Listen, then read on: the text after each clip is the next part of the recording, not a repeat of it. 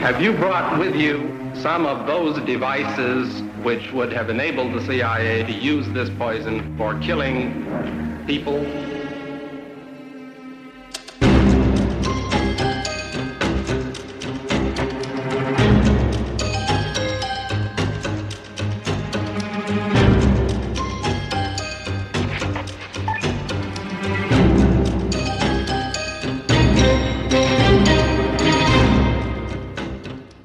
I am saying, and I will repeat it again, I did not engage in this to make anybody, not myself, not General Secord, not Mr. Akeem or any of their other people, rich in the process.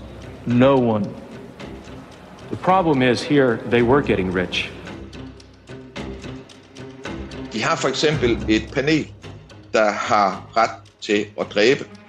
De har er ret til at beslutte, at nogen skal dræbes. Og det kan sådan set være en terrorist øh, eller en amerikansk statsborger. Når panelet beslutter sig for at dræbe, så efterlades der ingen referater, dokumenter eller andet, der kan dokumentere, hvad der sker.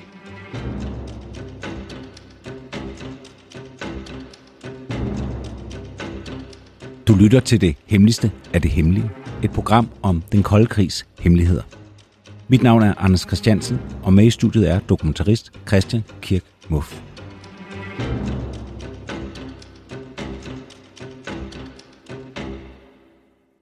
Muff, måske skal vi starte med at forklare, hvorfor du ikke er inde hos mig i studiet. Øh, Det er fordi, at jeg har fået øh, en, øh, et rygproblem. Jeg har fået en diskusprolaps, tror jeg det hedder. Ja. Det gør, at jeg lige har nogle dage, hvor jeg ikke er så super mobil. Øh, jeg er begyndt at bevæge mig og komme rundt og sådan noget, men lige at stå op i et studie øh, i en time, det kunne jeg ikke lige forestille mig. Dem, der hørte forrige afsnit, det der var afsnit 2 i vores dobbeltafsnit om Lisbeth Palme, der slutter du med lidt af en cliffhanger.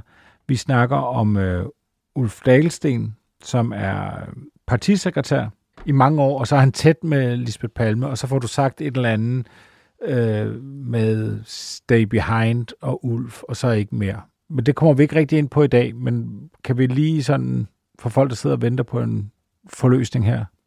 Altså, den tråd kommer vi til at samle op igen med Ulf Dahlsten og den her forbindelse til Stay Behind.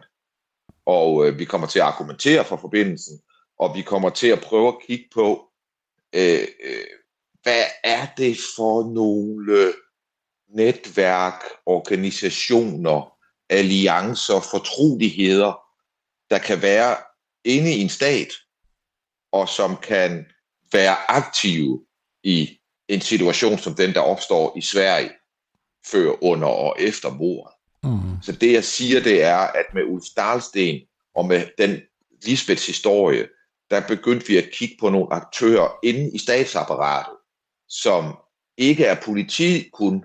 Det kan de godt være også, men de kan også være andre steder i statsapparatet og se ud som om, at de optræder med et mønster, der gør dem interessante for os at kunne pege på en vis forbundethed imellem de her mennesker. Det kommer vi til at kigge på, og, og der forbereder jeg et afsnit, hvor vi øh, kigger ud over øh, Ulf Dahlsten, prøver at kigge på et par andre centrale figurer, og, og ser på, hvordan de agerer øh, omkring mordet her. Men det er jo derfor også faktisk, at dagens emne giver mening. Ja.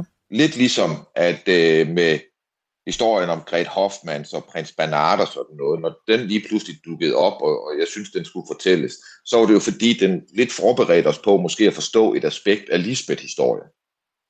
Og øh, der kan man sige, at ved at fortælle den historie, som øh, jeg fortæller i dag, og, og i hvert fald et afsnit mere, øh, der kan vi måske begynde at se på, hvordan kan ting foregå inde i en regering, og hvordan kan man arbejde inde i en regering med hemmeligheder. Der er Oliver North et virkelig, virkelig godt eksempel. Øh, dels fordi, at det er noget af det, øh, hvor man ved mest. Øh, det er der, hvor der har været kongreshøringer, der er skrevet bøger, der er skrevet tusindvis af artikler om ham. Han har selv genfortalt meget af det, der foregår i, i, øh, i den periode, jeg skal fortælle om. Øh, så der er et hav af kilder, øh, og det gør, at man kan se ind i noget, man normalt ellers ikke ser ind i. Og måske kan vi ved at få Oliver Norths historie også forstå noget af det, som måske kan være på spil ind i den svenske stat. Mm. Og så er der en grund mere til at fortælle Oliver Norths historie. Ja. Og det er, at jeg kommer til at føre et argument for, at den kan, og jeg vil sige, tror, jeg tror, at hans historie er forbundet med mordet på Palme.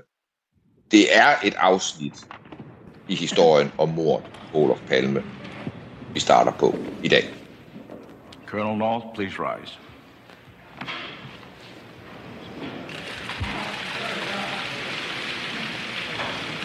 Do you solemnly swear that in the testimony you're about to give will be the truth, the whole truth, and nothing but the truth, so help you God?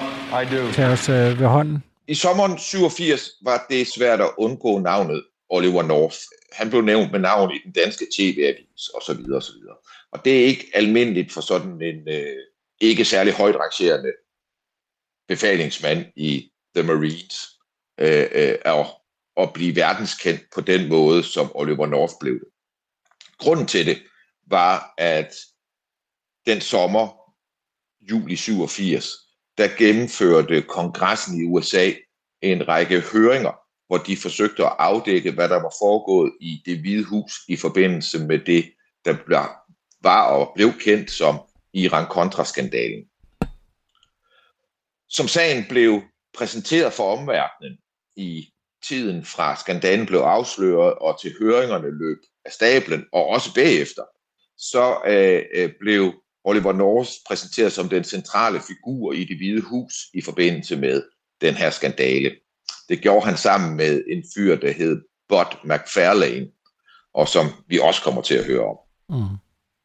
Oliver North blev på den måde portrætteret i pressen og i de her høringer som portalen fra det hvide hus til en skyggeorganisation, der ikke fandtes. Et off-the-books CIA, der organiserede og indgik ulovlige våbenhandler, og måske det, der er værre, over hele kloden. Og det var det, den her sommers høringer skulle afdække. My memory has been shredded. If, if you would be so kind as to repeat the question. Are you here telling the committee that you don't remember whether on November 21st there was a document in your files? Så er der ikke mere for den statsbetalte 25 øre. Efter 24-7's lukning er det hemmeligste af det hemmelige blevet en podcast, du skal betale for. Gå ind på hjemmesiden dethemmeligste.dk og læs mere om, hvordan du fortsat kan lytte til det hemmeligste af det hemmelige.